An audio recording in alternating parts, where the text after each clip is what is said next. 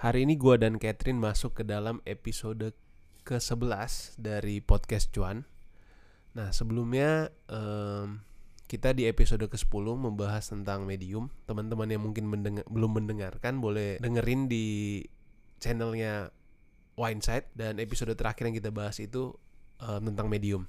Nah, hari ini gue dan Catherine eh, bakal bahas tentang em, ini masih bisa disebut startup ya kayaknya Kat ya. Soalnya pas gue cari eh, di riset sebelumnya itu aplikasi yang bakal kita bahas ini bukan aplikasi mungkin eh, platform yang bakal kita bahas ini masih muncul dalam eh, salah satu daftar startup terbesar di dunia. Teman-teman yang mendengarkan mungkin eh, sudah lumayan familiar dengan aplikasi ini. Eh, bagi yang sering traveling terutama pasti akan lumayan familiar sih. Mungkin gue langsung ngomong aja, gue dan Catherine bakal bahas tentang Airbnb. Teman-teman yang sering traveling pasti bakal eh, sudah familiar banget lah dengan Airbnb ini. Di mana pada intinya Airbnb ini eh, memudahkan kita untuk menggunakan fasilitas kamar ya kalau bisa dibilang ruangan untuk eh, kita tinggal gitu. Mirip hotel kurang lebih, tapi eh, secara keseluruhan si Airbnb ini memudahkan dalam hal kita sebagai mungkin yang punya properti rumah atau yang punya eh, ruangan gitu apartemen dan lain sebagainya untuk menyewakan eh, ruangan kita tersebut baik secara menyeluruh maupun sebagiannya untuk tamu yang mau menyewa eh, ruangan kita tersebut.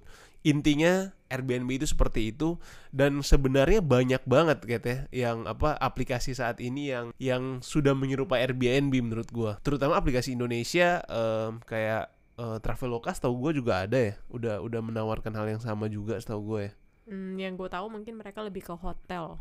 Mm-mm. terus eh, Travelio ya Travelio justru kayak apartemen gitu sih. ya tapi kurang untuk- lebih part of Iya. Airbnb juga sebenarnya nah gue nggak tahu apakah teman-teman pernah menggunakan gue pribadi jujur eh, nggak pernah menggunakan tapi kurang lebih tahu lah bisnisnya karena nggak terlalu beda jauh dengan yang sudah banyak bisnis model yang seperti ini sebenarnya.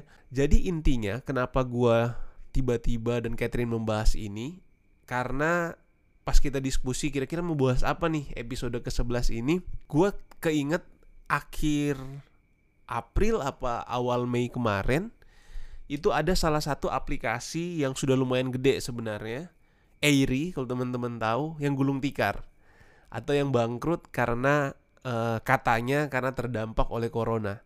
Nah, sebenarnya si eh, Airbnb ini kurang lebih memiliki bisnis model yang sama, properti, dia menyewakan tempat, menyewakan ruangan dan lain sebagainya. Tapi yang menarik adalah eh, di antara semua sedemikian banyaknya itu Airbnb ini menjadi salah satu eh, aplikasi yang tetap eh, paling atas gitu atau yang memimpin di antara aplikasi-aplikasi atau platform-platform yang udah sudah ada tersebut. Lu sendiri punya pengalaman gak sih Kate atau pernah gak sih eh, menggunakan Airbnb ini?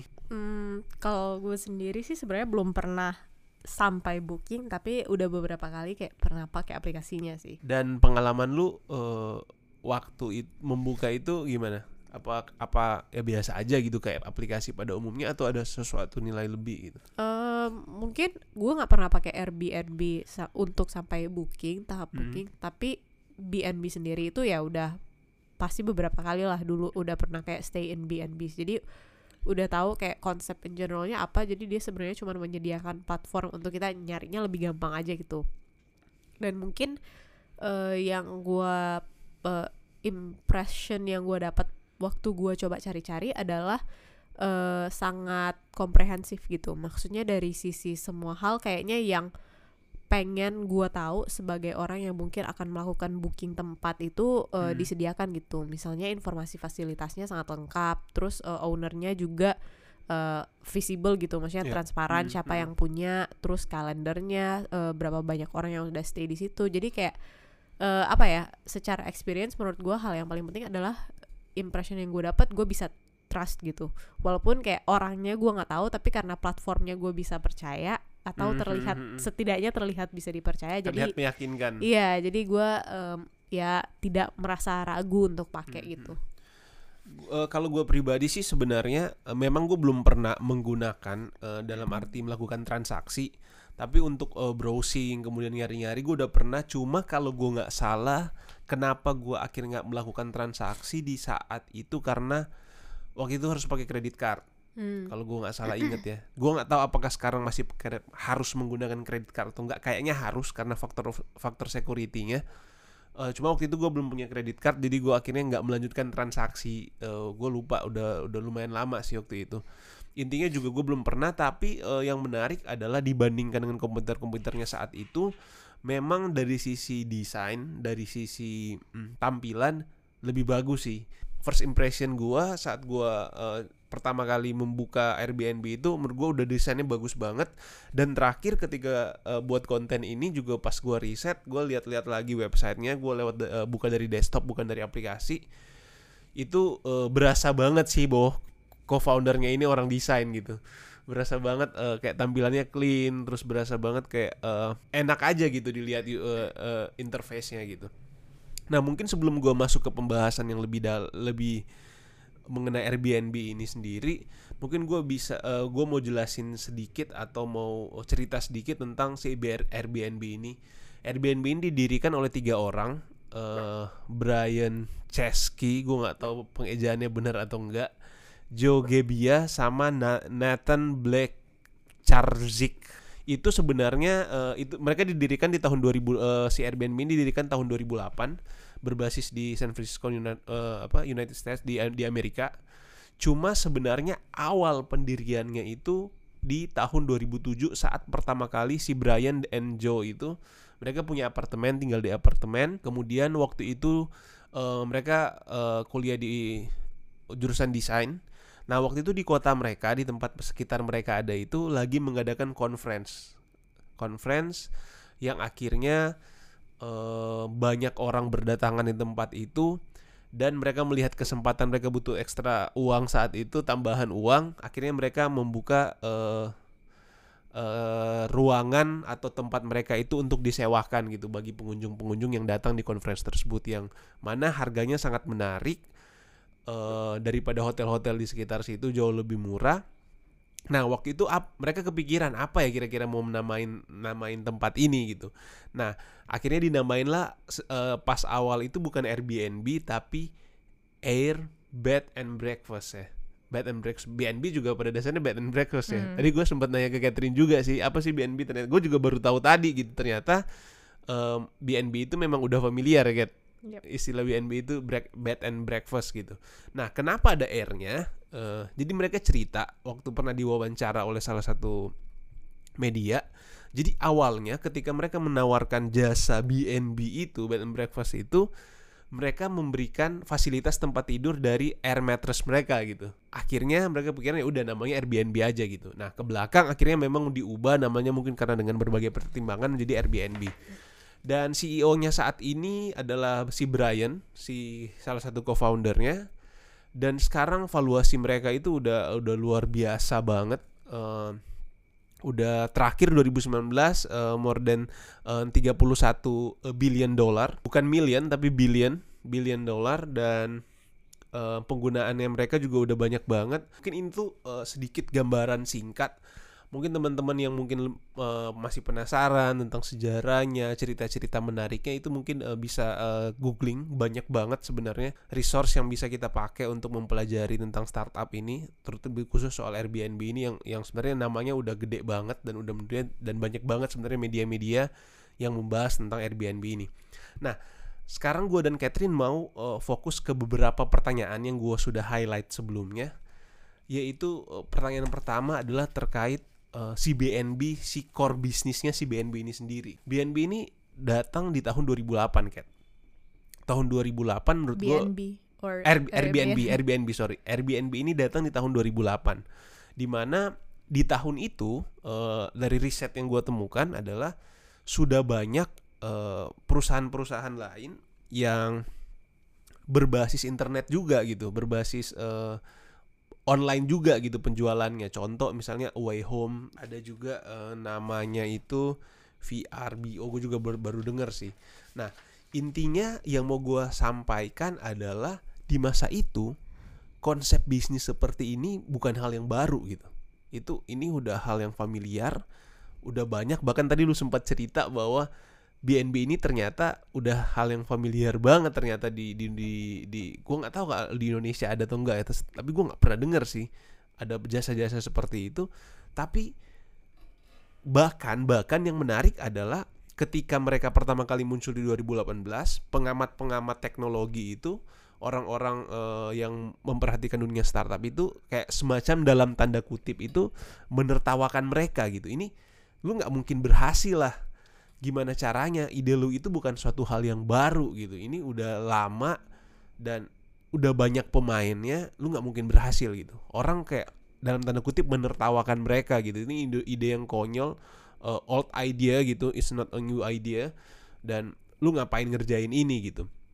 Nah pertanyaan gua adalah kalau kita singkat cerita kan akhirnya nggak Airbnb jadi sangat berhasil saat ini. Bahkan salah satu startup paling berhasil sebenarnya dari Amerika menurut lu apa yang membuat eh, Airbnb ini kita diskusiin bareng Kat kenapa kira-kira dia bisa survive atau bukan bukan survive juga malah berhasil menurut gua Hmm, kalau berhasil ya pasti banyak faktor ya. Tapi I think uh, in general semua perusahaan atau bisnis itu kan pasti Hmm. um, salah satu key factors dia berhasil atau enggak itu adalah apakah dia uh, menemukan product market fit dan itu juga Mhm, mhm. satu alasan uh, nomor alasan nomor satu kenapa startups fail itu biasanya ketika mereka tidak menemukan product market fit ini. Ya. Mm. Nah mungkin eh, lu juga tadi udah sebutkan kayak sebelumnya itu memang udah banyak banget bukan banyak banget tapi udah ada lah banyak pemainnya gitu yang kayak orang-orang yang menyewakan eh, propertinya walaupun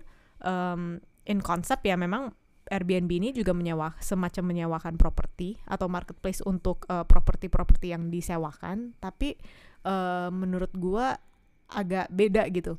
Eh, kenapa beda? Karena di sini dia clearly stating bahwa dia menyewakan kayak BNB gitu bed and breakfast which is something yang um, sebenarnya orang sudah cukup familiar terutama travelers mungkin uh, buat yang suka nonton film-film yang uh, time settingnya itu jadul gitu kayak Mhm. 80s tahun bukan kok 80s uh, 1800 ya udah zaman dahulu banget lah baik baik di Eropa ataupun di uh, Amerika itu uh, pasti sering banget gitu lihat yang ketika ceritanya uh, sekitaran orang-orang yang traveling itu pasti Mhm. mereka kayak mampir di rumah-rumahan terus kayak nginep di situ lodging in that place untuk satu dua malam gitu dan uh, makan di situ dilayani oleh uh, apa uh, pemilik rumahnya. Dan itu sebenarnya konsep awal B&B kan muncul di zaman-zaman itu kan. Dulu itu kayak Hmm. belum ada hotel-hotel gede apa segala macam jadi orang itu ya ketika dia traveling traveling either for leisure ataupun for other purposes gitu mereka pasti kayak cari tempat penginapan along the way aja ketika Mhm, lihat terus uh, mampir gitu. Dan kita juga sebenarnya dulu sebelum ada uh, aplikasi-aplikasi ini kan kayak gitu kan kayak biasanya Mhm. kalau gue inget banget dulu waktu gue kecil kalau lagi jalan-jalan sama keluarga itu kita nggak yang kayak udah tahu mau nginep di mana dari sebelumnya tapi bener-bener browsing gitu lewatin jalan-jalannya untuk cari tempat penginapan nah mungkin salah satu hal yang uh, yang pertama itu karena memang Mhm. eh, eh, secara walaupun dia secara produk dalam tanda kutip itu sama tapi secara konsep itu menurut gue beda karena em, dia menawarkan tempat untuk orang yang mau tinggal sementara aja. Atau kayak cuman traveling lah uh, short Hmm, period of hmm, time gitu Hmm. awalnya. Hmm. sedangkan yang kayak stay apa apalah itu yang website-website lain itu kayak bener-bener untuk lu nyari uh, rumah yang lagi disewakan Hmm, apartemen yang lagi disewakan untuk lu tinggal uh, sebagai tempat tinggal gitu kan. Dan mungkin salah satu hal yang paling penting yang um, I think a lot of people overlook ketika bicara soal uh, growth periodnya Airbnb itu adalah uh, di awal-awal itu kalau lu inget kayak pertama kali mereka launch websitenya ini atau menyediakan Hmm, tempat hmm, mereka gue lupa pertama kali banget atau kayak one of the first few times lah. Mhm. itu adalah ketika ada yang lu bilang tadi kan uh, uh, South by Southwest uh, Film Festival. Mhm. dan di situ dia kayak um, berusaha untuk menyewakan tempatnya. Kenapa? Karena oh itu film festival ya Iya, ya? Hmm. gue nggak tahu itu yang pertama kali atau Hmm, kayak itu hmm, udah yang hmm. kesekian kali. Tapi yang gue inget itu eh, pas gue baca-baca dua event pertama yang dia kayak bener-bener buka Hmm, hmm, tempatnya hmm, hmm, apartemen hmm. mereka adalah si South by Southwest Film Festival ini sama eh, Democratic National Iya ya Conference Partai DNC. Demokrat ya Hmm. Heeh, pas dia kayak lagi tour gitulah. Nah, di saat ini eh, mungkin buat temen-temen yang eh, tinggal di tempat yang eh, tourismnya tinggi pasti tahu banget atau sering banyak conference-conference gitu kayak Mhm. dulu di Manado lo pasti tahu kan kayak waktu ada konferensi internasional apa gitu terus tiba-tiba banyak banget hotel yang dibangun Hotel-hotel kecil gitu. jangan kan hotel kecil gitu hotel Hotel gede. besar yang Hmm. bintang 5 apa segala macam itu semuanya dibangun dengan cepat untuk mewadahi em, untuk mengambil kesempatan ini gitu walaupun hanya sementara Mhm. nah sebenarnya dia mengambil eh, dia menurut gua kalau dia launch kayak in- tanpa ada momentumnya itu mungkin em, di periode awal itu dia nggak akan terlalu eh, apa ya semacam berhasil lah dalam tanda kutip. Tapi karena dia menyediakan atau memulai ini ketika ada konferensi-konferensi ini dan itu market pertama yang eh, dia buka gitu dia berusaha untuk menjual produk dia which is apartemen mereka ke orang-orang yang kesulitan cari tempat tinggal ini yang dan karena ada konferensi-konferensi ini juga kan biasanya hotel-hotel langsung naikin tarif mereka kan. Mhm. dan itu kayak pain point banget gitu untuk em, orang-orang yang datang conference. Pasti orang yang pernah ikut festival atau conference yang di luar kota itu pasti tahu banget lah kesulitan untuk mencari tempat tinggal yang affordable yang Hmm, nyaman. Dan menurut gue itu salah satu eh, momentum penting gitu dalam mereka membangun ini. Kayak they were able to find the product market fit dalam hal eh, at least hal pertama ini adalah kayak ketika orang kekurangan hotel-hotel dan bahkan hotel-hotel itu tidak memberikan eh, harga yang eh, nyaman atau eh, sanggup orang untuk bayar Hmm, gitu that people hmm. can afford. Jadi Hmm. dia menawarkan tempat tinggal ya karena kan for the Hmm, most part hmm, hmm, kalau hmm. lu attend a conference itu lu sebenarnya nggak bakal spend a lot of time eh, liburan terus nggak butuh yang fasilitas gimana gimana banget kan cuma butuh tempat tidur aja gitu. Jadi I think itu one of the most important eh, aspects di early stagesnya sih karena mereka mengambil momentum-momentum dari konferensi-konferensi ini. Mm-mm. Berarti eh, yang gua yang gua highlight dari pendapat lu tadi adalah em, sebenarnya selain tentu pasti em, ya memang pada dasarnya produknya tentu orang nyaman dan bagus, berarti sebenarnya juga ada faktor momentum gitu gitu ya. Iya Yang yang maksudnya setidaknya menjadi pintu masuk awal untuk dia eh, untuk dia akhirnya lebih banyak berkembang gitu. Mm-mm. maksudnya eh, ya itu sih ada ada momentumnya lah Nah, sebenarnya gue juga kurang lebih eh, sepakat gitu sama lu bahwa ini sebenarnya semakin membuktikan keadaan atau fakta bahwa tidak ada yang baru gitu, tidak ada yang baru dalam dalam mm, di muka bumi ini gitu. Maksud gue em, pasti ideasnya itu iya, udah ada pasti selalu. sebenarnya sudah ada gitu dan dan kadang sebenarnya orang selalu fokus untuk mencari sesuatu yang baru kan kayak gue mau yang bener-bener baru gitu. Gue mau yang betul-betul inovatif. Gue bener bener-bener eh, mau membuat eh, company. Gue mau membuat startup yang betul-betul baru gitu.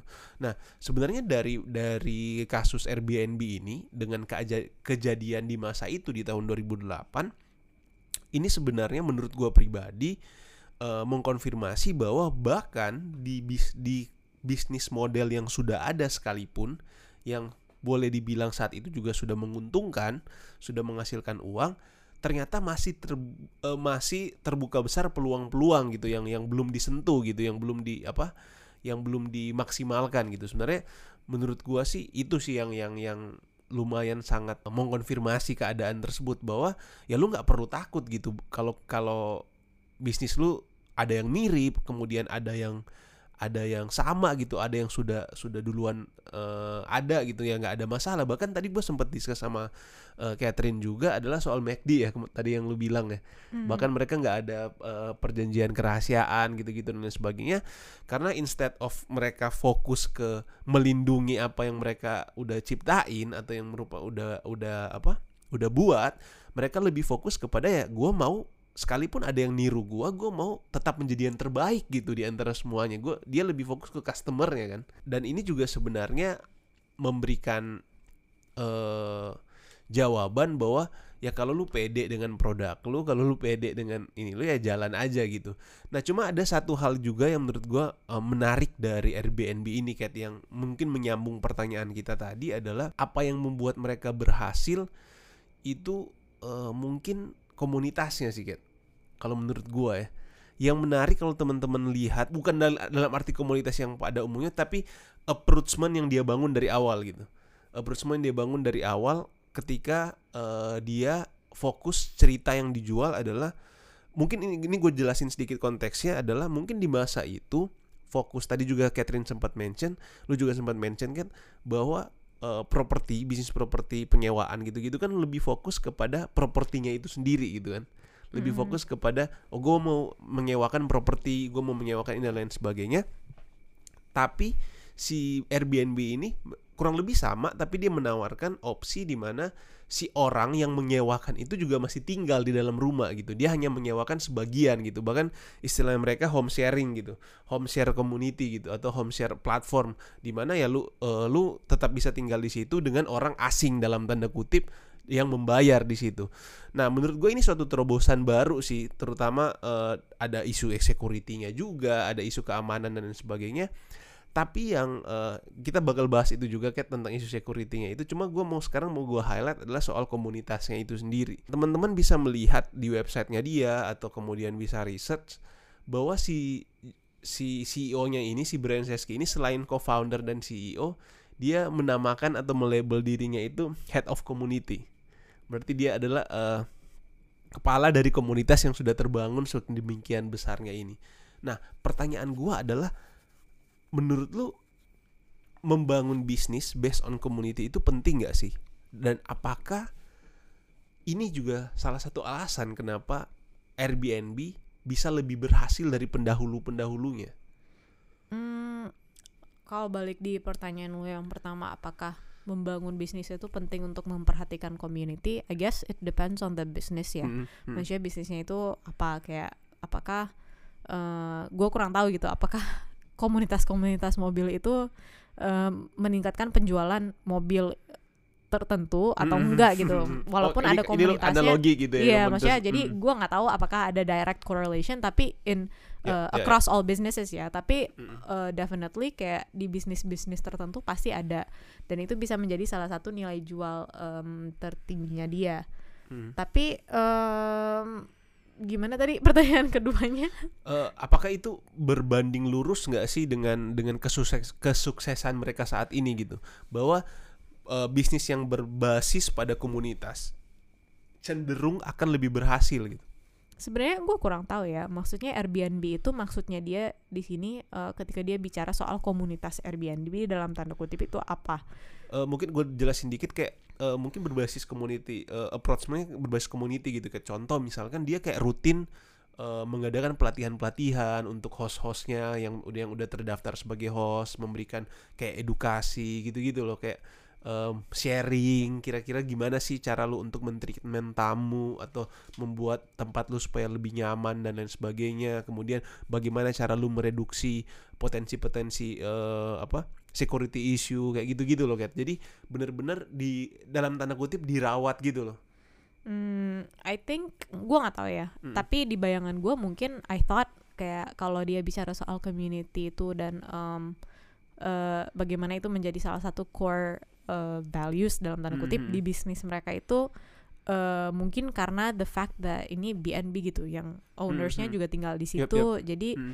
um, I think gue pernah either nonton atau dengar salah satu interview dia atau mungkin kayak bukan CEO or co-foundernya tapi mungkin kayak salah satu petinggi di Airbnb itu sendiri bicara soal uh, bahwa sebenarnya at the core of Airbnb and Airbnb itu adalah uh, experience yang mereka mau deliver Iya, iya. Eh, bahwa setuju mereka gua. itu em, sangat memperhatikan apa ya ketika lu traveling em, mereka merasa bahwa traveling shouldn't be kayak sekedar datang ke tempat terus udah gitu Hmm. Eh, tapi mereka pengennya itu orang datang traveling dan lu immerse yourself in the culture in the people eh, belajar tentang orang-orang di Hmm, situ hmm, hmm. dan ini salah satu em, hal yang menurut mereka menarik dari konsep B&B itu sendiri yang Hmm. eh, tidak bisa didapatkan di hotel gitu Hmm, jadi mungkin kalau soal yang kayak dia membangun komunitas antar eh, homeownersnya atau Mhm. travelersnya, gue rasa itu akan dengan eh, secara natural akan terjadi gitu, akan terbentuk Mhm. sama seperti misalnya eh, Instagram gitu dulu. Eh, sekarang kit- kayak ada komunitas influencers yang bekerja di. Mhm. maksudnya hal-hal itu kayak udah pasti terbentuk eh, dengan terbentuk sendirinya. dengan sendirinya tapi mungkin kalau bicara soal core value-nya community mungkin salah satunya juga bisa jadi eh, bagaimana dia mau membawa em, apa ya mencerminkan aspek community dari traveling itu sendiri dengan cara ya orang tinggal bersama atau apa gitu mungkin ya mungkin Eh, itu berbanding lurus dengan retention rate-nya gitu gak sih menurut lo? eh I guess kalau bicara soal community-nya sendiri, gua nggak tahu. Tapi I Hmm. think the larger picture is the importance of ex- delivering experience. Hmm. Karena kan em, kalau dia cuma deliver, ya obviously dia nggak ada produk dalam tanda kutip, bukan produk dia sendiri ya. Yeah. Produknya ya platformnya aja gitu. Tapi kayak tempat end produk yang digunakan Mhm, oleh mhm, usersnya itu mhm. bukan bukan punya dia gitu. Mhm. Eh, jadi yang dia bantu deliver ad- adalah experience-nya dan menurut gue itu yang paling penting sih Em, melebihi mungkin ya salah satu aspek dari experience itu adalah community based uh, uh, experience-nya juga Tadi eh, lu sempat mention Kat eh, menarik soal hotel gitu. Hmm, Soal hotel yang di mana experience yang sama lu nggak bisa dapatkan di hotel eh, yang sifatnya lu datang check in bayar pulang gitu selesai Mhm. gitu. Mungkin ada concierge ya misalnya cuma eh, lu kayak nanya gitu gua harus eh, nyewa apa lu menyediakan sesuatu nggak sih yang bisa gua sewa tapi nggak bener-bener communicate atau bahasanya mereka itu di websitenya mereka itu eh, atau di yang wawancara yang pernah yang mereka diwawancara itu live like a local gitu. Hmm, kayak lu orang lokal di situ gitu. Lu Iya. bener-bener eh, tahu gitu keadaan di tempat itu gitu. Experience lagi-lagi yang kayak lu bilang tadi experience. Nah yang menarik juga adalah dalam hubungannya dengan hotel itu jadi eh, sempat ada media mewawancarai salah satu CEO hmm, grup chain prop- chain hotel di di dunia lah. Salah satu yang terbesar eh, dia nggak sebut waktu itu. Tapi ter- kayaknya Marriott sih. Kayaknya Marriott atau enggak Hilton. Eh, gua nggak tahu. Tapi salah satu yang terbesar tahun 2013 which is itu lima tahun setelah Airbnb Iya, ada. Dan dia bilang ketika ditanya Pak eh, lu tahu nggak sih tentang Airbnb? gitu-gitu. Dia bahkan bilang gua nggak tahu hmm, gue baru pertama kali dengar Airbnb itu apa gitu. Hmm, pertanyaan gua adalah apakah mereka nggak merasa Airbnb ini kompetitor?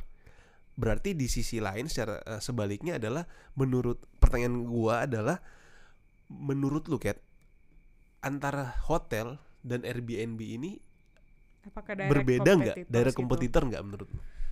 Em, nggak tahu ya maksudnya in the sense of fighting for people untuk tinggal ketika Hmm, traveling hmm, ya hmm. obviously direct competitor in that sense tapi Hmm. mungkin marketnya bisa jadi berbeda-beda kan maksudnya doesn't mean karena dia kompetitor terus marketnya sama tapi gua Hmm, rasa hmm.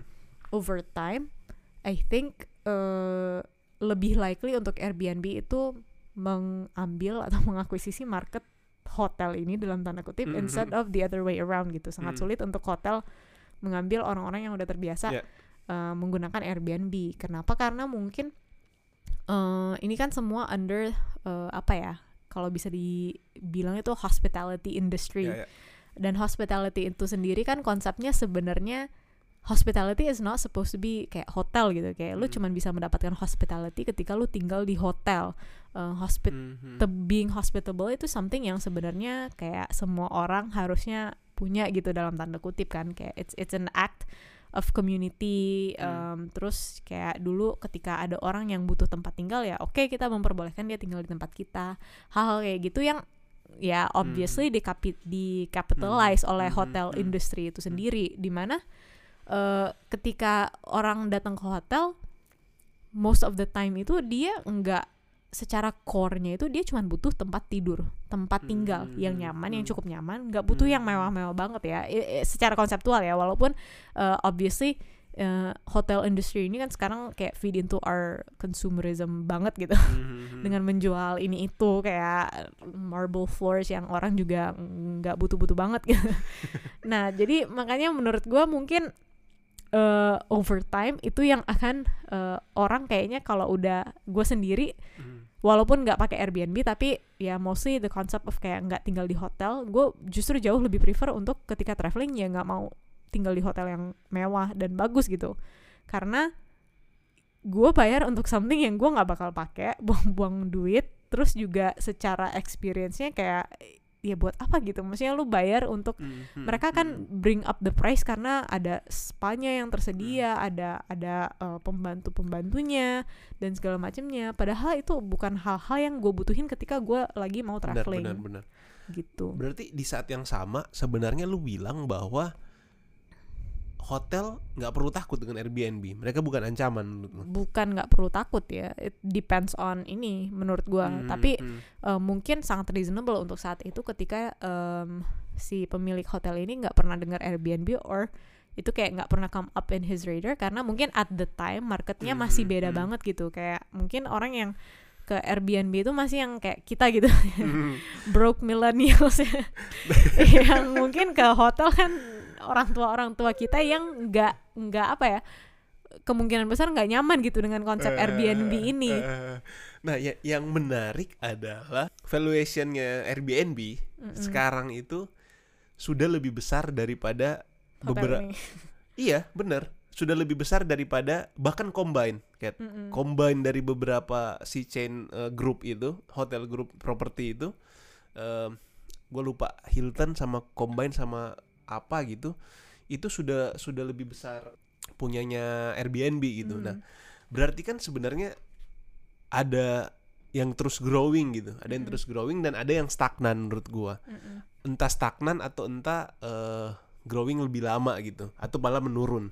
Nah, yang juga menarik adalah ada satu jokes gitu, gue baca tadi di artikel, dia bilang gini, banyak pemilik-pemilik hotel atau CEO-CEO hotel ini, eh, oh gue ingat kalau nggak salah si CEO Great Western si Hmm. CEO Great Western dia bilang bahwa em, kesalahan yang punya punya hotel ini eh, meremehkan si Airbnb itu. Nanti mereka akan sadar ketika mereka datang di salah satu conference, kemudian or- ada orang bertanya gitu, angkat tangan siapa yang pernah tinggal di hotelnya dia, terus dibandingkan sama sama siapa yang pernah tinggal di Airbnb gitu, Hmm. Airbnb property dan di mana semua isi conference itu sebagian besar angkat tangan gitu bahwa Hmm. mereka eh, pernah tinggal di eh, Airbnb, Airbnb. gitu. Nah, sebenarnya at the end ini kan berbicara soal eh, banyak yang bilang soal ber- berbicara soal millennial markets gitu. Tadi lu sempat mention soal eh, ya mungkin kalau orang-orang tua yang udah punya keuangan finansial yang lebih settle atau priority yang mungkin lebih banyak suka yang kenyamanan gitu-gitu loh yang tadi lu Hmm. bilang marble dan lain sebagainya spa gitu-gitu mungkin ya masih tetap akan lebih memilih hotel gitu. Pertanyaan gua adalah soal eh, ke depan gitu di masa depan gitu apakah ini masih masih menjadi prioritas dan kedua adalah soal millennial market tadi menurut gua apakah bahkan ada juga hotel-hotel yang sengaja mengadjust bisnis modelnya mereka gitu bisnis propertinya mereka untuk bisa menangkap atau tap in ke millennial market ini contoh Mhm. misalnya ada gue lupa beberapa nama hotel gitu yang dibuat subnya lagi bangunan yang lebih simpel lebih sederhana kayak ada seolah-olah ada artwork artworknya Hmm. gitu-gitu lo pasti pernah lihat kan gitu di Mm-mm. Jakarta ada kan yang yang apa gue ibis atau apa gitu-gitu itu kayak eh, katanya untuk menjangkau si market milenial ini nah menurut lu em, kira-kira ini efektif nggak sih? Apakah apakah ini akan kemudian menjadi ancaman? Berarti apakah ini mengkonfirmasi bahwa hotel melihat ini sebagai suatu ancaman? Dan di saat yang sama juga si Airbnb juga melihat ini sebagai suatu ancaman juga buat dia ketika si hotel-hotel ini bersatu untuk tap in ke market yang sama juga gitu. Hmm, balik lagi ya, I guess depends on preference ya. Hmm, Maksudnya hmm. orang kan punya apa preferensi yang berbeda-beda gitu ketika kayak ya lu pasti pernah lah kayak traveling rame-rame gitu bareng temen-temen, misalnya temen sekelas atau temen eh, banyak temen deket gitu. Eh, dan pasti ada sedikit cekcokan lah antara kayak kita mau tinggal di mana nih tempat Ya, ya, seperti ya. apa Hmm, hmm. itu pasti ada kan karena ya namanya orang-orang kan punya preferensi yang berbeda-beda. Em, kalau soal hotelnya itu sendiri hotel-hotel yang berusaha untuk mengambil market milenial, I guess balik lagi sih maksudnya menurut gua ini eh kalau untuk generasi milenial kita Hmm, ini hmm, mungkin hmm. dalam masa transisi kayak masih eh, half and half lah kayak kita udah Hmm, sempet hmm, banget hmm.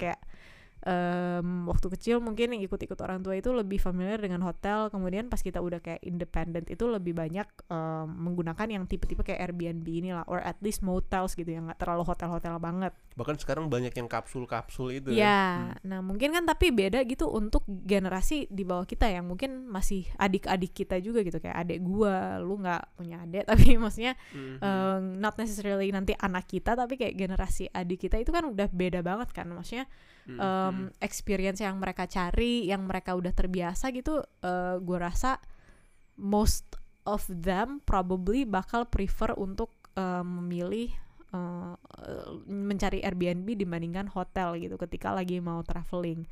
Mhm. Uh, for the reasons of ya itu em, banyak studi juga menunjukkan bahwa generasi apa sih yang di bawah kita? Z ya? Mhm. Gen Z. Gue lupa. X apa Z gitu kita X kayak ya pokoknya generasi di bawah milenial. Mhm. Eh, itu mereka em, tipikal orang-orangnya atau tipikal consumernya itu mereka sangat mementingkan value. Em, sangat tidak terlalu mementingkan kayak em, apa ya hal-hal yang eh apa istilahnya kayak berlebihan gitu. Tapi sangat udah terbiasa dengan hal yang simple eh, terbiasa untuk eh, lebih eksploratif orang-orangnya Mhm. dibandingkan mungkin eh, generasi orang tua kita yang cenderung lebih apa ya ketika traveling itu mungkin immersionnya itu nggak sebesar yang angkatan kita dan ke bawah Bahkan ada yang berkesimpulan mereka lebih cenderung nomaden ya ya Kayak nggak mau untuk kayak eh, beli properti karena Iya. mereka bermilih kayak kayak gue bakal berpindah-pindah gitu Mhm. ya kayak gitu-gitu jadi mungkin uh, that's when the real challenge comes gitu apakah Hmm. dengan dia hanya hotel orang bikin hotel terus kayak bikin desain uh, kamar ataupun hotelnya dengan Mhm. selera milenial dalam tanda kutip atau yang yang modern gitu Mhm. dengan berarti dia akan mengambil market ini gua rasa enggak ya karena at Hmm, the hmm, essence itu hmm, it's a hmm. completely different experience dan sebenarnya itu yang lebih Mhm. uh, penting dari Airbnb dibandingkan uh, uh, maksudnya yang dia lebih menjual itu experience-nya itu sendiri. Tapi ya dengan adanya COVID-19 ini bisa berubah semua kan.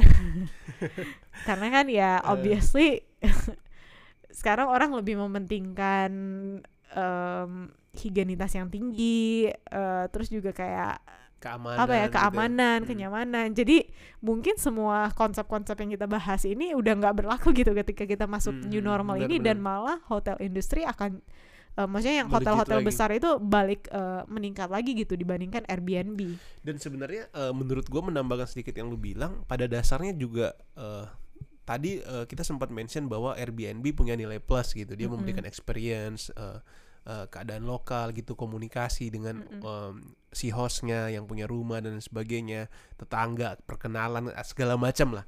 Tapi di saat yang sama juga sebenarnya hotel juga menawarkan sesuatu yang nggak bisa ditawarkan oleh oleh Mm-mm. Airbnb sih. Kayak em, contoh misalnya dia bisa masuk ke bisnis eh, penyewaan eh, ruangan gitu, ruangan Ya, Ruangan. dan, Dan itu, itu- juga bukan hal yang Airbnb mau masuk juga kan. dan, dan maksud iya maksud gua adalah sebenarnya eh, bisnis hotel pun nggak nggak bakal kehilangan belum langsung bakal kehilangan ini sih menurut gua kayak peluang-peluang bisnisnya gitu dan kedua dia masih ada restoran yang sebenarnya lumayan channel-channel eh, channel-channel revenue yang yang bahkan kalau gua nggak salah gua pernah diskusi sama eh, beberapa orang gitu yang yang bergerak di industri itu bahkan eh, pada beberapa kesempatan lebih besar daripada si eh, bisnis penjualan Ya, kamarnya pasti. mereka itu gitu si penyewaan tempat eh, restoran dan gitu-gitu sih.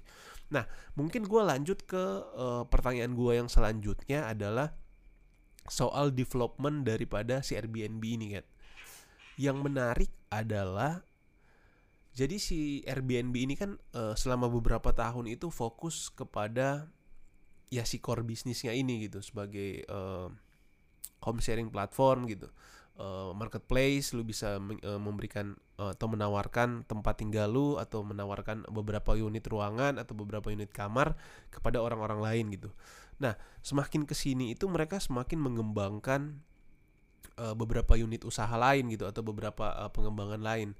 Nah, salah satunya adalah em, Samara kata dia.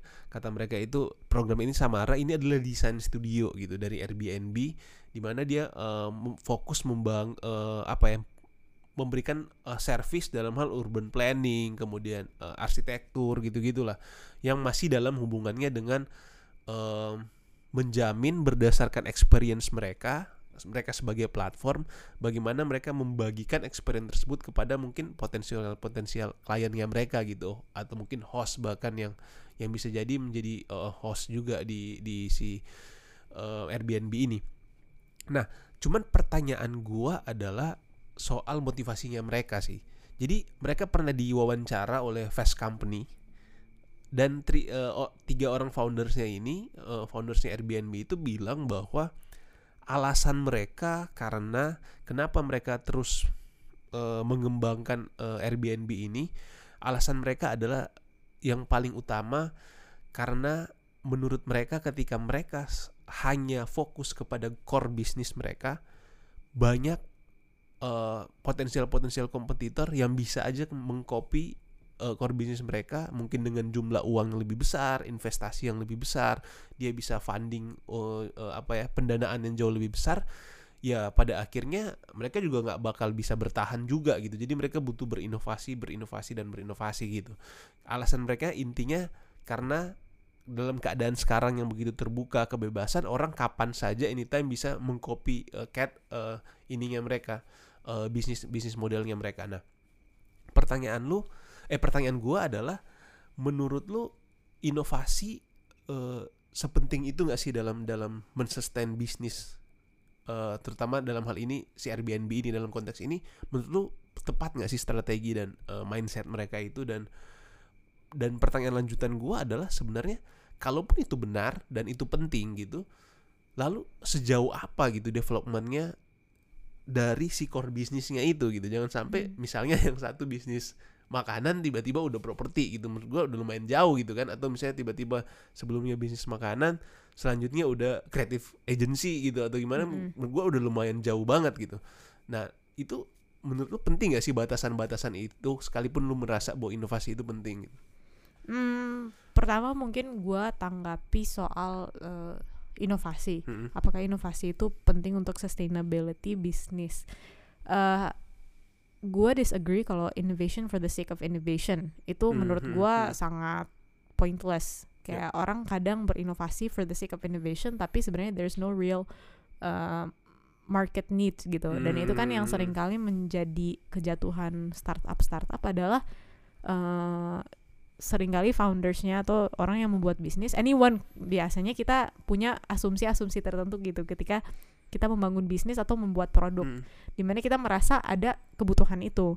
Uh, dan memang biasanya di tahap awal pasti belum ada validasinya kan apakah butuh atau enggak. Tapi makanya gue bilang uh, I think uh, kalau kita cuma soal bilang soal inovasi itu um, agak sulit. Karena menurut gue inovasi hanya untuk sekedar inovasi itu pointless hmm. uh, mungkin salah satu perusahaan yang gue bisa kasih contoh yang uh, soal how innovation how they do innovation menurut gue itu really well uh, itu adalah Apple kayak misalnya mm-hmm. pasti lu sering banget kayak baca apa ya tech blogs uh, orang yang suka review gadget apa segala macam itu dari specs dari apa segala macam dari teknologinya itu kayak ketinggalan banget gitu hmm, sebenarnya Apple malah. gitu maksudnya kayak jauh banget gitu banyak banyak uh, gadgets lain yang secara specs itu jauh lebih tinggi hmm. uh, tapi mungkin di sini balik lagi ya jadi Apple ini di mata-mata orang ini terlihat seperti tidak inovatif. Yeah. Padahal menurut gua um, dia memahami konsep inovasi yang sesungguhnya di mana inovasi itu should be uh, meeting uh, user needs kan maksudnya hmm, hmm. Uh, I think kita juga sempat bahas ini gitu di waktu bahas episode IDEO karena hmm, ini salah satu hmm, hal yang hmm. mereka bilang juga gitu kayak technology moves fast but people's apa behavior changes slowly gitu. Hmm, Jadi um, menurut gue itu hal yang paling penting sih yang perlu diingat soal inovasi bahwa inovasi sekedar inovasi itu not necessarily helping the company. Hmm. Bahkan itu sering kali yang menjadi kejatuhan hmm, banyak hmm, uh, businesses gitu.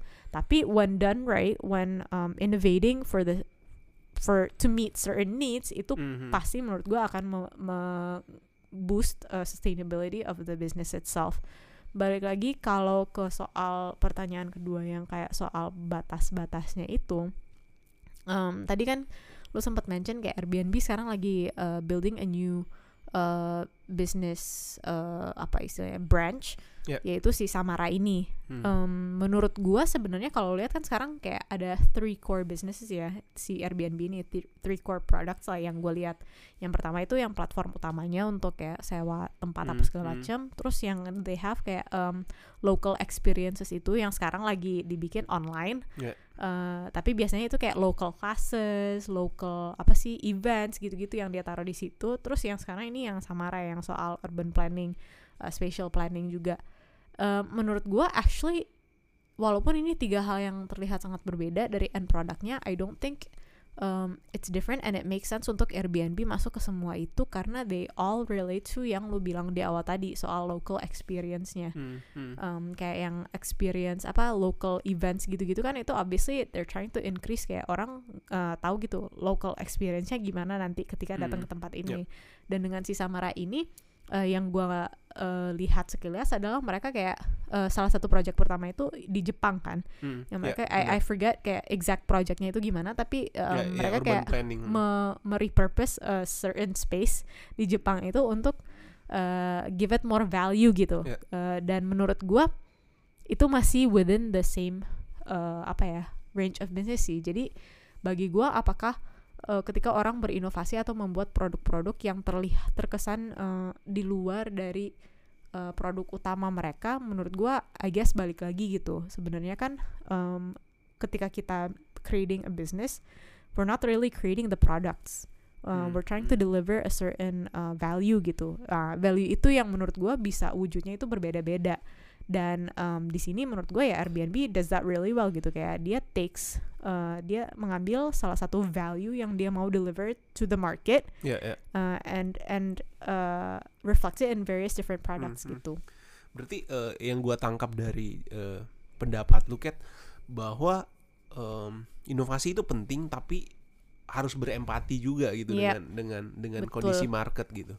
Nah, mungkin ada juga eh, satu pertanyaan lagi terkait ini yang mungkin gua gua kepikiran tadi eh, setelah mendengar jawaban lu itu, setelah mendengar pendapat lu itu adalah kita tahu bersama gitu ya udah rahasia umum gitu bahwa R&D, R&D itu salah satu em, apa ya eh cost yang paling besar gitu dalam Hmm. suatu perusahaan gitu. Mereka menghabiskan atau invest sangat besar untuk research and development gitu. Yang mana ekspektasi mereka yang gua tangkap, gua nggak tahu benar atau enggak, tentu bermimpi atau berharap mereka one step ahead daripada atau mungkin beberapa step ahead daripada kompetitor-kompetitor mereka. Kenapa mereka fokus di R&D kan karena itu gitu. Mungkin ini agak sedikit kontradiktif dengan yang lu bilang tadi bahwa yang tadi di IDEO gitu bahwa eh, sedangkan kita harus menyesuaikan gitu. Otomatis menyesuaikan eh, tends to kayak reaktif kan sifatnya. Reaktif dalam artian ya lu menunggu dulu keadaan kemudian lu bereaksi gitu. Bukan memulai dulu sesuatu yang belum terjadi. Nah menurut lu R&D ini se se penting itu nggak sih untuk untuk untuk di untuk terus dilakukan gitu? Bahkan divisi ini termasuk yang paling mahal sekalipun di Indonesia kemarin eh, sempat ada juga salah satu co-founder eh, founder Bukalapak gitu Mm. masalah juga menurut gua untuk disebut dia sempat mengkritisi soal itu gitu kan soal Iya. anggaran dan lain sebagainya gitu karena biaya yang besar padahal menurut dia sangat penting nah menurut lu eh, sepenting itu nggak sih eh, apa research and development itu sangat penting dalam hal untuk eh, terutama bisnis mereka itu sendiri gitu yang tadi eh, kita sempat yang kita di pertanyaan gua awal tadi Hmm, gue salah satu orang yang sangat mm, menitik beratkan pentingnya research and development. Eh, mungkin menurut gue sih nggak terlalu bertolak belakang ya soal inovasi itu Hmm, Eh, hmm. bahwa inovasi itu should be meeting the needs current needs karena kan Mhm. actually not only current needs gitu. gue pernah baca siapa ya Em, salah satu tech founders juga lah bilang kayak eh, one of the the blockers for innovation, pace Hmm. of innovation itu adalah atau business growth itu adalah orang terlalu fokus di customer feedback.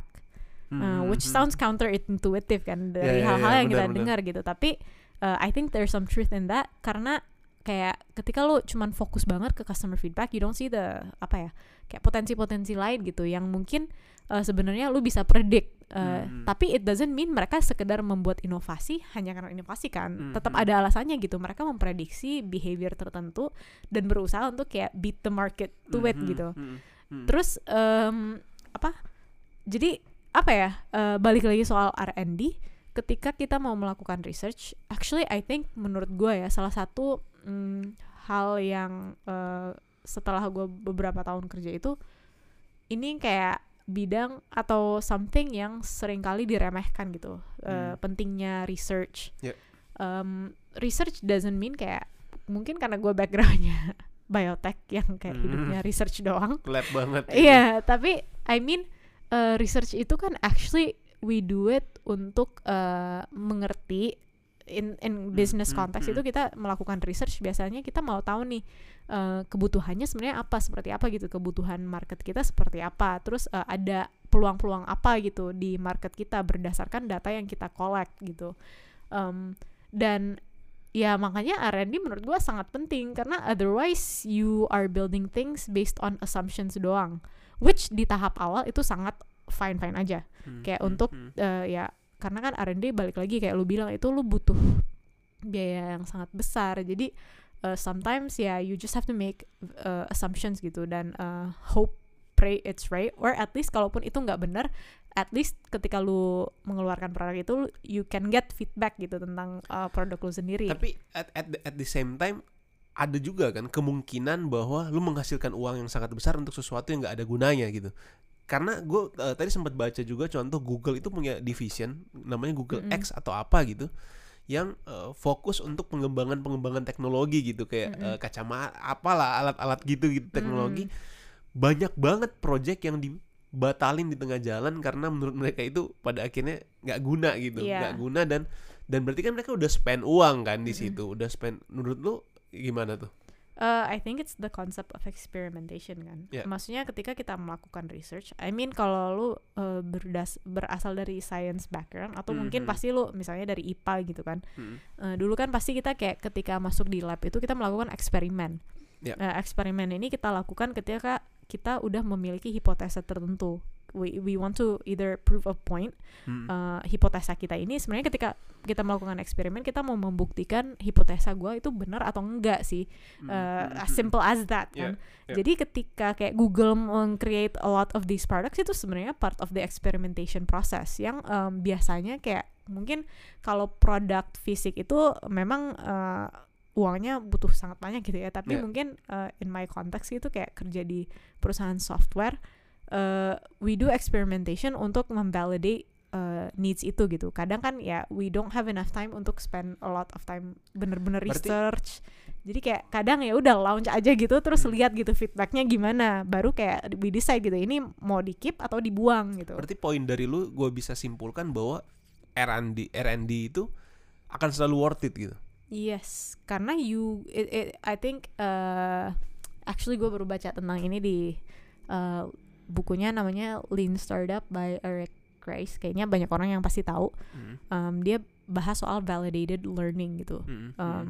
Ya, of course we want to minimize the excess cost uh, atau Mhm, loss as much as possible. Tapi um, the goal is not always untuk uh, make sure bahwa hipotesanya benar, tapi actually uh, validate the learning gitu. Maksudnya yang informasi yang kita dapat itu berharga nggak untuk kita, Ya. gitu. gue juga em, pribadi sih merasa bahwa eh, memang ya plus minus juga sih kadang ada orang yang merasa ya R&D kayak tadi lu sempat mention juga belum terlalu prioritas gitu Mm-mm. karena mereka hanya sifatnya melihat apa masalah yang sudah ada gitu untuk eh, mereka bereaksi Mm-mm. terhadap itu. Cuma ya balik lagi sih, kalaupun orang melakukan R&D, R&D terus research and development terus metodenya juga salah, menurut gue juga useless juga sih, iya gak sih? Tapi penting juga untuk di point out research itu not necessarily kayak yang kita bayangkan ya. Maksudnya Mhm. it doesn't have to take the form of bener-bener yang kayak surveys, questionnaires atau Mhm, mhm. uh, lab work atau bener-bener kayak deep research. Sometimes research kayak misalnya kalau uh, lu punya apa ya istilahnya uh, mau bikin uh, online shop jualan baju gitu. Uh, the research can be as simple as kayak lu cuma lihat-lihat aja gitu. Biasanya orang-orang uh, pakai baju seperti apa. Maksudnya Hmm, that's that's part of hmm, research hmm, juga hmm. kan. Jadi there's always research involved. Tapi uh, ya executionnya seberapa baik itu juga sangat mempengaruhi uh, end productnya obviously. Oke, mungkin gue pindah ke pertanyaan. eh, mungkin sudah mau masuk-masuk ke pertanyaan terakhir sih diskusi kita, Kat. em, ini selalu menjadi permasalahan klasik dari setiap eh, startup teknologi terutama soal security gitu. Hmm. Terutama dalam konteks Airbnb ini gitu, logikanya simple banget. Strangers ada di rumah lu gitu. Hmm. Strangers ada di eh, dalam rumah lu yang lu nggak tahu dan dan kalau teman-teman baca cerita-cerita atau berita-berita gitu banyak banget kejadian bahkan eh, komplain. Bahkan si Airbnb itu sampai membuat bahkan ada perusakan gitu gitulah Mm-mm. eh eh, damage damage gitu di dalam propertinya mereka. M- mungkin nggak sampai kriminal ya tapi mungkin hal-hal begitu. Bahkan sampai Airbnb memberikan jaminan bahwa mereka siap mengganti up to 1 million. USD untuk eh, segala bentuk garansi-garansi seperti itu gitu. Dan yang kedua yang mau gua highlight adalah kita tahu lah semakin ke sini gue nggak tahu apakah gue terlalu mengeneralisir atau ada lu berpendapat berbeda atau teman-teman yang mendengarkan podcast ini berpendapat berbeda tapi yang gue lihat adalah semakin ke sini kan komunitas atau masyarakat kita itu semakin cenderung hidup individualistik gitu. Nggak nggak komunal gitu nggak bersama-sama gitu. Nah punya kesibukan masing-masing dan lain sebagainya. Gua nggak tahu apakah gue mengeneralisir atau enggak mudah-mudahan enggak dan mudah-mudahan juga lu punya kesimpulan yang sama tapi itu menurut gua ya di mana semakin ke sini orang semakin susah gitu gua menemukan orang yang open gitu loh. Ketika ada orang baru ketika ada orang yang baru kita kenal kemudian kenal pasti dimulai dengan kecurigaan gitu. Pasti dimulai dengan ketakutan gitu. Eh gue inget banget eh, mungkin gue sempat cerita juga kalau gue kemarin sempat belanja di eh, belanja bulanan gitu. Terus ada orang random banget tiba-tiba datang ke gua nanya kira-kira mas ada kerjaan nggak buat saya? gitu. Yang pertama kali dalam pikiran gua adalah bukan soal memikirkan pertanyaannya dia tapi yang dalam pikiran gua adalah ini orang mau ngapain gua gitu Hmm. Jangan jadi ada maksud jahat gitu. Nah maksud gue eh akhirnya gue langsung cabut. Singkat cerita gue langsung cabut. Gue gak pikirin gitu. Pas sampai rumah akhirnya gue baru kepikiran wah kasihan juga gitu. Maksudnya jangan-jangan dia benar-benar mau nyari gitu. Nah Hmm. poin gue adalah ini kan ada semacam eh, moral-moral kemudian yang tereduksi dengan keadaan zaman gitu. Orang melihat kriminal semakin terjadi di mana-mana, kemudian eh, banyak eh, kejahatan-kejahatan dan sebagainya yang memang udah terjadi juga dari zaman dulu, cuma mungkin lebih terekspos saat ini. Intinya yang mau gue sampaikan adalah orang akan terbiasa hidup dalam ketakutan gitu Mm-mm. akan kehati-hatian mungkin bukan ketakutan gitu kehati-hatian gitu menurut lu bagaimana kemudian Airbnb bisa memecahkan isu ini kan apa atau mungkin gua ubah sedikit pertanyaan gua adalah eh, kira-kira mereka perlu sangat attention yang sangat berat nggak sih terhadap isu ini gitu Hmm, sangat menurut gua eh, mungkin kalau soal individualistic eh, gua kurang tahu ya kayaknya hal-hal yang seperti itu tuh lebih cenderung cultural Mhm. eh, instead of generational menurut ya. gua ya menarik Em, ya. Dan menurut ya bisa gua- jadi juga sih iya, karena kita di Indonesia iya gitu ya karena eh, pengalaman gue itu sangat berbeda Mm. eh, ketika gue tinggal di misalnya bahkan jangan nggak usah jauh-jauh gitu kayak waktu tinggal di Manado sama di sini aja itu beda banget gitu Mhm. culture-nya Em, tapi eh apakah mereka perlu memperhatikan eh, soal ketakutan manusia terus kayak isu-isu sekuritas ya obviously iya ya maksudnya itu juga eh, core of their business kan soal hospitality gitu. Jadi I think eh, it's one of the most important aspects malah. Em, tapi this is where I guess em, menjadi sangat penting untuk kita melihat bahwa when you are delivering an experience at the core of the experience is the human kan. Jadi eh, bagaimana kita mendesain experience itu eh, sesuai not necessarily just market yang ada tapi kayak understanding human behavior itu seperti apa Hmm. karena ketika lu em, menjual produk yang kayak lu sekali pakai atau apa lu cuman perlu tahu behavior for the most part em, behavior mereka saat menggunakan misalnya produk itu tapi dalam hal ini kan Airbnb dia kayak bener-bener exposing all of human behaviors Mhm, yang ada mhm, human mhm. kecenderungan-kecenderungan manusia yang ada terhadap orang-orang lain gitu. Kalau itu buruk ya shit happens kan. Hmm. tapi eh, ya balik lagi sih seberapa eh, seberapa niat mereka untuk memahami hal itu menurut gua akan em, sangat menentukan eh, perkembangan mereka ke depannya gitu. Apakah mereka bisa bertahan atau enggak? Gue setuju sih em, yang tadi lu bilang bahwa itu juga tetap eh, penting gitu eh, security issue terutama dalam hal si Airbnb ini mungkin agak sedikit berbeda gitu dengan bukan gue meremehkan hal yang lain gitu ya Mm-mm. faktor keamanan lain. Contoh kayak kita kehilangan data kita di Zoom gitu misalnya atau eh, apa email kita di eh, Facebook atau apa gitu. Bukan gue meremehkan itu itu juga penting gitu nggak boleh gitu misalnya itu menjadi isu security issue gitu. Cuma bedanya dari si Airbnb ini kan isunya agak sedikit berat sih menurut gue karena dia berkontak langsung dengan orang lain gitu. Mm-mm. karena dia memfasilitate orang lain untuk ketemu orang lain gitu. Mm-mm. dan dan bagi gua itu isu yang sangat yang sangat parah gitu. Gue bahkan tadi sempat baca cerita iseng baca komentar-komentar orang gitu di komunitasnya Airbnb. Bahkan ada salah satu ibu-ibu gitu dia sudah men- sudah dela- delapan tahun menjadi host gitu. Menjadi host di gue lupa di negara mana gitu. Nah suatu saat dia eh, keterima tamu gitu menerima tamu dan ternyata tamunya itu adalah seorang eh, singkat cerita kriminal gitu singkat cerita kriminal eh, residivis gitu pernah menusuk orang pernah menusuk Hmm. orang pernah ada di berita gitu tapi dia eh, random aja sih ibu-ibu ini kayak eh, random random cek gitu cek wah ternyata ini orang yang berbahaya gitu dan kenapa dia bisa lolos gitu dari dari dari sistemnya mereka dan isunya dia saat itu adalah jadi eh, pernah gue nggak tahu sampai sekarang atau enggak si Airbnb itu pernah ada kebijakan bahwa si host nggak boleh melihat nama dari si guestnya itu Mm-mm. gue nggak tahu sampai sekarang atau enggak gitu tapi si ibu-ibu itu komplain soal itu gitu di sistemnya mereka kenapa lu buat kebijakan konyol seperti ini gitu Mm-mm. eh harusnya nggak boleh dong karena gua harus tahu juga gitu dan lain sebagainya. Gue nggak tahu persis eh, permasalahannya seperti apa dan mungkin udah difixkan. Nah poin gua adalah em, ini penting banget sih terutama untuk bisnis seperti Airbnb ini yang melibatkan kontak dengan orang lain gitu memfasilitasi orang lain bertemu dan lain sebagainya apalagi tinggal bareng dalam tanda kutip gitu itu eh, sangat-sangat eh, sangat-sangat perlu diperhatikan sih. Bahkan gue sempat lihat di em, di websitenya mereka itu mereka kayak memberikan banyak banget dan itu menurut gue keren sih jadi dia sempat buat kayak statementnya mereka bahwa bagaimana sih mereka memanage security issue ini gitu Mm.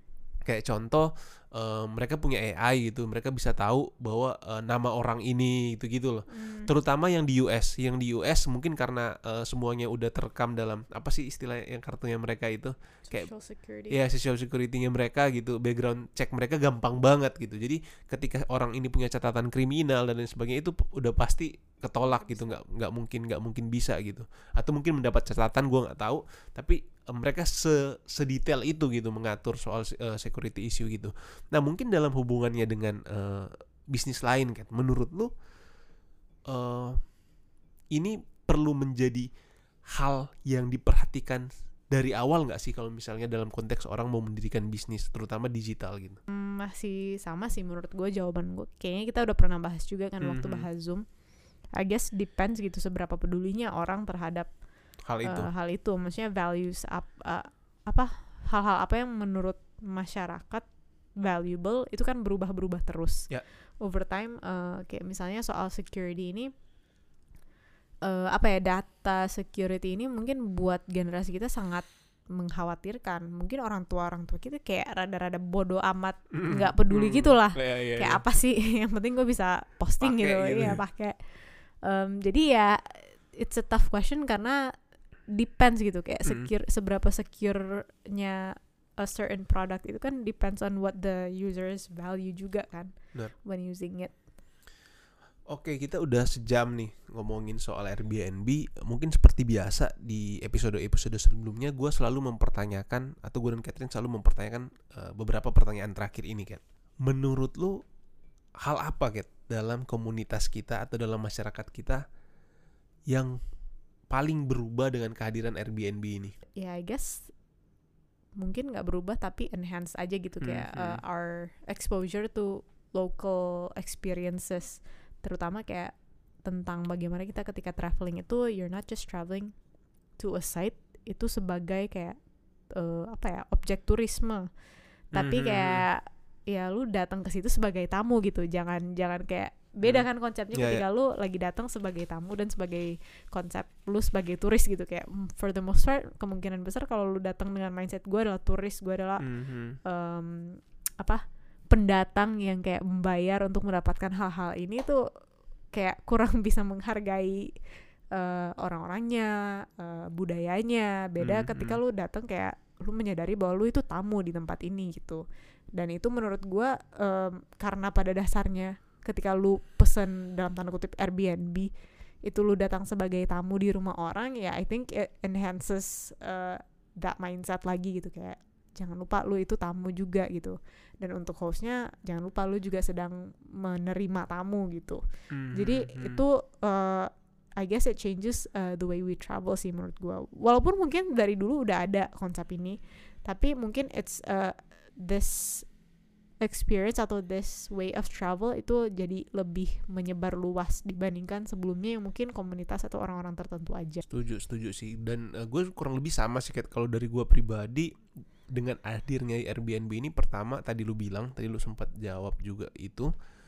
Mungkin tambahan sedikit dari gue adalah em, dengan hadirnya Airbnb ini mungkin eh, seperti aplikasi-aplikasi yang lain juga sebenarnya em, menciptakan lapangan-lapangan kerja sih yang Hmm. terutama gitu. Gue baca artikel bahkan ada yang bilang orang sudah bisa menamakan dirinya itu kayak dalam tanda kutip juragan properti hanya dengan Hmm. menyewakan kamar gitu maksudnya beberapa kamarnya dia karena dia di Airbnb dia nggak perlu punya hotel yang besar nggak perlu punya bangunan yang besar tapi dia udah punya bisnis eh, si kamar-kamar ini sendiri sih atau ruangan-ruangan itu sendiri dan mungkin yang kedua adalah em, si Airbnb ini menurut gua menekan lajunya zaman yang semakin individualistik sih menurut gua ya pribadi. Gua- karena?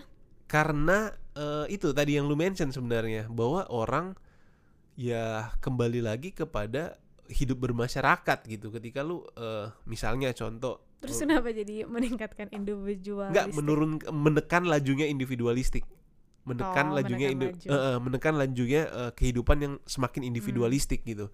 Jadi yang di mana orang semakin cenderung otomatis dengan kesibukan dengan aktivitas dan lain-lain mungkin dia traveling mungkin dia eh, bisnis trip dan lain sebagainya tapi di saat yang sama dengan pilihan yang terlalu susah untuk ditolak gitu bahwa karena dengan harga yang jauh lebih murah dan efisien akhirnya orang mengambil itu tapi di saat yang sama juga dia bermasyarakat sebenarnya eh, berkomunikasi dengan orang kemudian eh, membangun eh, apa ya intinya inilah intinya bermasyarakat dan bersosialisasi gitu Hmm. menurut gua mungkin dari satu dua tiga kejadian nggak bakal kelihatan gitu tapi secara makro bagi gua itu kayak menumbuhkan itu sih secara nggak langsung karena eh, apa ya ketika opsinya terlalu susah ditolak yang tadi gue bilang harganya terlalu murah otomatis orang akan orang yang nggak terbiasa pun yang mungkin terbiasa tinggal di hotel akan memilih untuk tinggal di situ gitu. Mm-mm. ketika opsi itu terlalu susah ditolak gitu. Akhirnya dia memilih tinggal di situ dan akhirnya dia terpaksa untuk menyesuaikan itu kan. Menurut gue itu sih yang yang yang dalam komunitas atau masyarakat yang paling berubah gitu dengan kehadirannya Airbnb. Dan mungkin terakhir kayak kira-kira apa pengembangan atau pertama pengem tantangan dan pengembangan Airbnb ke depan tantangan udah jelas ya Mm-mm. karena lagi COVID-19 gini jadi ya ya ya. ya dan kita juga membahas dia kan karena I mean we just heard mereka laid off kayak 25% dari eh, karyawan mereka Mm-mm. secara terpaksa karena ya siapa lagi yang lagi traveling gitu apalagi eh, jangankan traveling gitu and then traveling em, tanpa eh, assurance of kayak cleanliness, eh, Benar-benar. safety gitu-gitu dan mereka yang ketemu orang yang nggak tahu Iya, gitu yang yang ditawarkan hotel gitu. Jadi eh, hotel at the time seems like a better and safer option juga kan Iya, instead of Airbnb. Jadi obviously tantangan mereka sekarang em, dengan adanya kayak terdengar sangat klise tapi ya new normal ini eh, gimana gitu mereka akan beradaptasi karena kan obviously eh, ketika ada suatu disrupsi yang sebesar ini eh, human behaviors itu changes at a pace yang kita unexpected gitu. Maksudnya kita nggak expect sama sekali perubahan-perubahan ini terjadi. Jadi ya eh, somehow they need to not necessarily mungkin pivot in terms of kayak apa yang dia tawarkan tapi eh, gimana mereka bisa meyakinkan kembali gitu kayak orang-orang bahwa this is a, a viable and safe option juga. Itu tantangan terbesar sih menurut gua.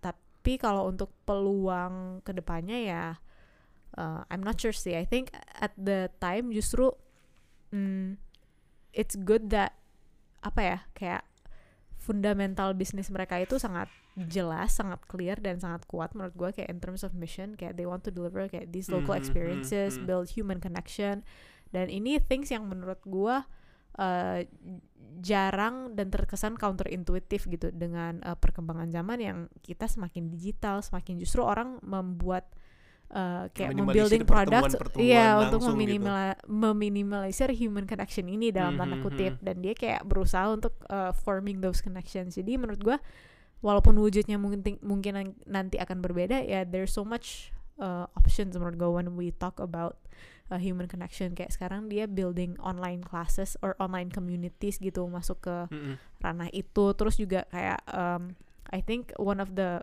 uh, apa ya potential business yang gede banget buat mereka itu adalah si Samara itu sih.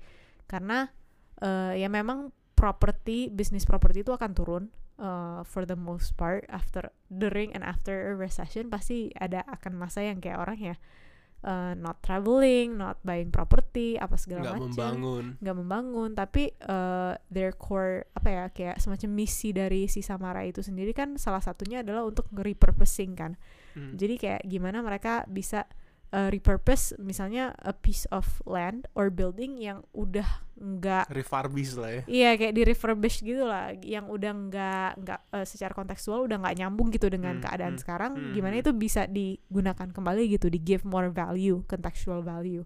Dan itu menurut gua eh, with that mindset, I think they'll survive sih. Maksudnya Ya. mungkin nggak growing at the pace yang they were growing before, tapi ya obviously there's always some kind of value they can deliver in this way. Em, gua setu- setuju banget sih Kat. Gua mungkin nggak nggak nggak bakal nambah banyak lagi sih. Eh, apa? Gua setuju dengan yang lu bilang. Tantangan mereka adalah new normal ini. Mm. Apa yang akan terjadi setelah ini? Kayak tadi lu bilang bisa jadi hotel jadi opsi yang lebih baik ke depan karena ada masa transisi. Bisa jadi juga mereka mengambil ini sebagai peluang baru yang belum kepikiran juga gua Mm-mm. peluang baru apa gitu. Em, kita nggak pernah tahu sih intinya menurut Yeah. gua cuma yang sudah jelas ada di depan mata yang tadi lu bilang gitu bisnis mereka mereka harus eh, kayak banyak yang harus diberhentikan gitu tadi kan lu Mm. bilang em, itu udah jelas gitu itu udah tantangan dan bukan tantangan lagi sudah jadi masalah gitu udah udah kejadian soalnya dan mungkin pengembangan dia ke depan adalah eh, dari gua gua percaya gitu. Perusahaan yang sudah divaluasi sebesar ini dia udah IPO kan eh, udah gede udah besar itu semakin besar sih peluang pengembangannya gitu. Karena dia eh, cepat banget gitu untuk memperkenalkan produk baru satu gitu karena dia sudah semakin besar. Dan kedua adalah eh, dia cepat banget untuk eh, melakukan eh, pivoting sih menurut gua. Kayak karena udah gede banget gitu. Dia punya sekalipun di saat yang sama datang dengan tanggung jawab yang besar juga gitu ya. Tapi kayak gue percaya gitu perusahaan yang punya funding yang sangat besar yang sudah terlalu menggurita dalam tanda kutip hampir nggak mungkin sih eh, nggak berkembang gitu. Menurut gua ya. Sekalipun memang banyak data adalah gue sempat share juga ke lu kemarin banyak perusahaan-perusahaan yang dulu sangat besar di tahun berapa 90-an 80-an yang sebagian besar berapa puluh persen gitu udah nggak bertahan sekarang karena dia tidak bisa menyesuaikan atau produknya sudah tidak relevan dengan eh, keadaan yang sekarang Hmm. gitu ya balik lagi itu juga mungkin di saat yang sama juga menjadi tantangan sih dan em, mudah-mudahan sih em, si Airbnb ini sebagai salah satu startup yang paling besar di dunia saat ini ya mampu memanfaatkan itu sih karena em, dengan keadaan yang sekarang itu harusnya dia bisa banyak eh, eh, bisa banyak melakukan pengembangan atau ya bisa banyak mungkin mulai memikirkan gitu ketika yang menarik yang menarik banget tadi yang lu bilang itu sih Kat. Bisa jadi bisnis lu udah nggak relevan gitu tiba secara tiba-tiba Hmm. gitu dengan adanya dengan adanya COVID-19 ini. Kita nggak pernah tahu sih. Nah mungkin menutup diskusi kita Kat apa yang lu dapat dari Airbnb ini?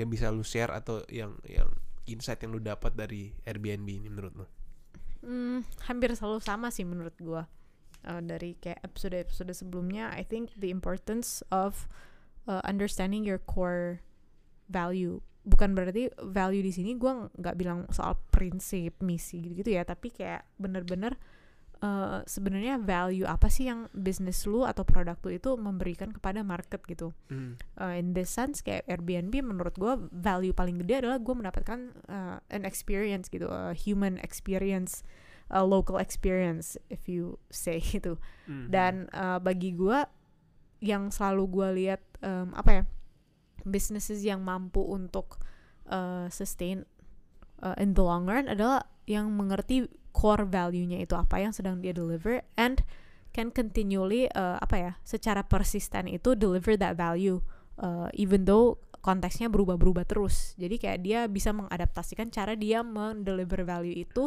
Yeah. uh, given uh, varying circumstances kayak in this case Airbnb uh, walaupun dia nggak bisa jualan core produk utamanya saat ini tapi Hmm, dia hmm. masih bisa deliver that human uh, or local experience in a different way dengan dia bikin yang on- online experience itu yang apa uh, community online experience-nya dia itu.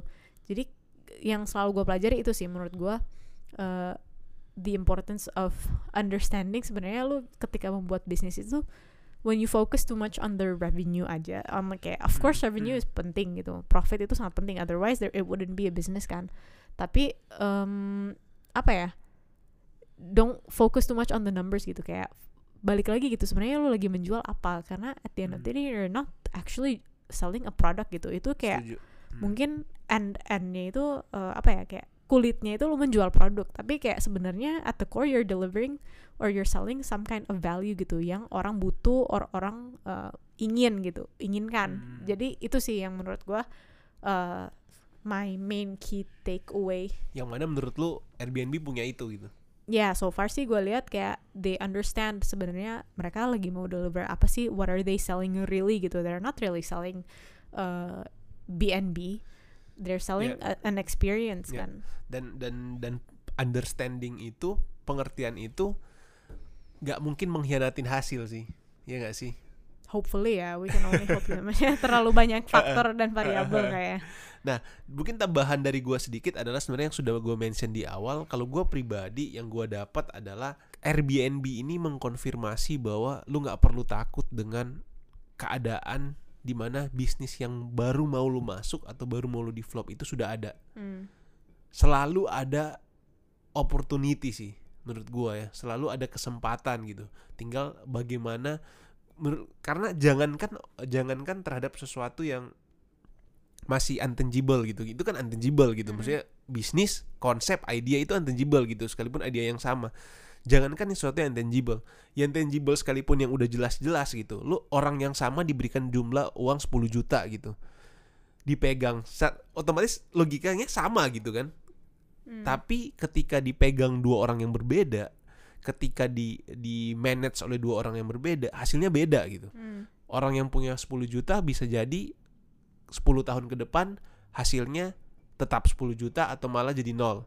Tapi kayak cerita Alkitab ya. Iya kayak, kayak, kayak cerita gitu. Jadi tapi orang yang sama juga megang 10 juta bi- bisa jadi 10 tahun ke depan jadi 10 triliun gitu. Kita nggak pernah tahu gitu. Jadi menurut gua kasusnya Airbnb ini di mana dia ditertawakan dalam tanda kutip ditertawakan atau di kayak dipandang ah apain sih konsep kayak gini? Nggak ada yang baru gitu. Dia membuktikan bahwa dia bertumbuh sangat pesat gitu. Hmm, untuk perusahaan yang mulai di 2008 menurut gue cepet banget perkembangannya sampai segede sekarang gitu valuasinya. Itu cepet banget.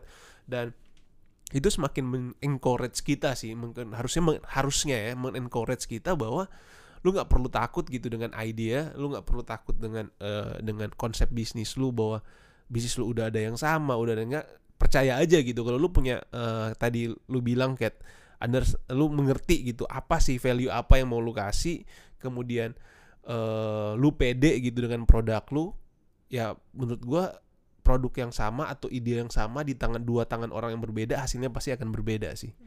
Menurut gua itu sih yang yang yang gua dapat gitu. Mungkin perlu di point out juga ya gue juga pas lu mention soal bahwa dia baru dibangun di tahun 2008 2007 itu I think it's important to know it, Airbnb ini juga salah satu uh, company or business yang lahir dari resesi ya ya ya, ya. It was during a Hmm. recession, right? 2008 itu lagi masa resesi and they came out of this recession. So hopefully Ya, ya. itu kayak ya Terjadi juga Iya, sekarang maksudnya gitu. sekarang kan um, dulu mungkin kayak it was a good thing for them gitu kayak recession itu Yeah. uh, justru membantu their growth sekarang lagi Mhm. hindering their growth but ya hopefully um, tidak apa ya tidak Mhm. mengimpact in a negative way lah maksudnya the hopefully historinya cukup bis dia bisa belajar dari sejarahnya Dan sendiri mungkin gitu. banyak startup startup baru yang lahir dari Yep. corona ini gitu. karena kan uh, in essence bisnis itu atau an opportun a business opportunity will always present itself during Yes. um, apa ya changing needs changing behaviors itu new opportunities Mhm, bakal mhm, lahir kan mhm. jadi ya itu sih menurut gua kalau mereka bisa Kata lainnya, itu- ayo berpikir keras nih Iya. sekarang opportunity apa nih? Ini lagi Ya, lagi dalam masa mungkin justru jangan berpikir keras kadang kalau berpikir keras itu jadi kejauhan ya kayak lihat aja gitu sebenarnya lu secara pribadi lagi Setuju. butuh apa Mhm. Oke, eh, paling itu aja sih dari gua dan Catherine untuk episode ke-11 ini. Semoga teman-teman yang mendengarkan episode tentang Airbnb ini boleh mendapatkan sesuatu dari kita, boleh bermanfaat untuk teman-teman. Dan kalau teman-teman mendapatkan eh, konten kita ini bermanfaat atau podcast kita ini bermanfaat, eh, boleh di-share gitu ke teman-teman kalian, ke keluarga kalian, ke siapa pun yang menurut kalian tertarik atau mau mempelajari atau mau mendengarkan tentang eh, teknologi ek- bi- dan bisnis gitu terutama eh, startup teknologi. Paling itu aja dari gua. Terima kasih yang sudah mendengarkan. Dan kalau teman-teman mau follow Instagram kita, kita ada di eh, Cuan Podcast, C U A N-nya tiga kali podcast atau bisa juga follow eh, at wineside.id. Nah, itu aja sampai ketemu di episode selanjutnya.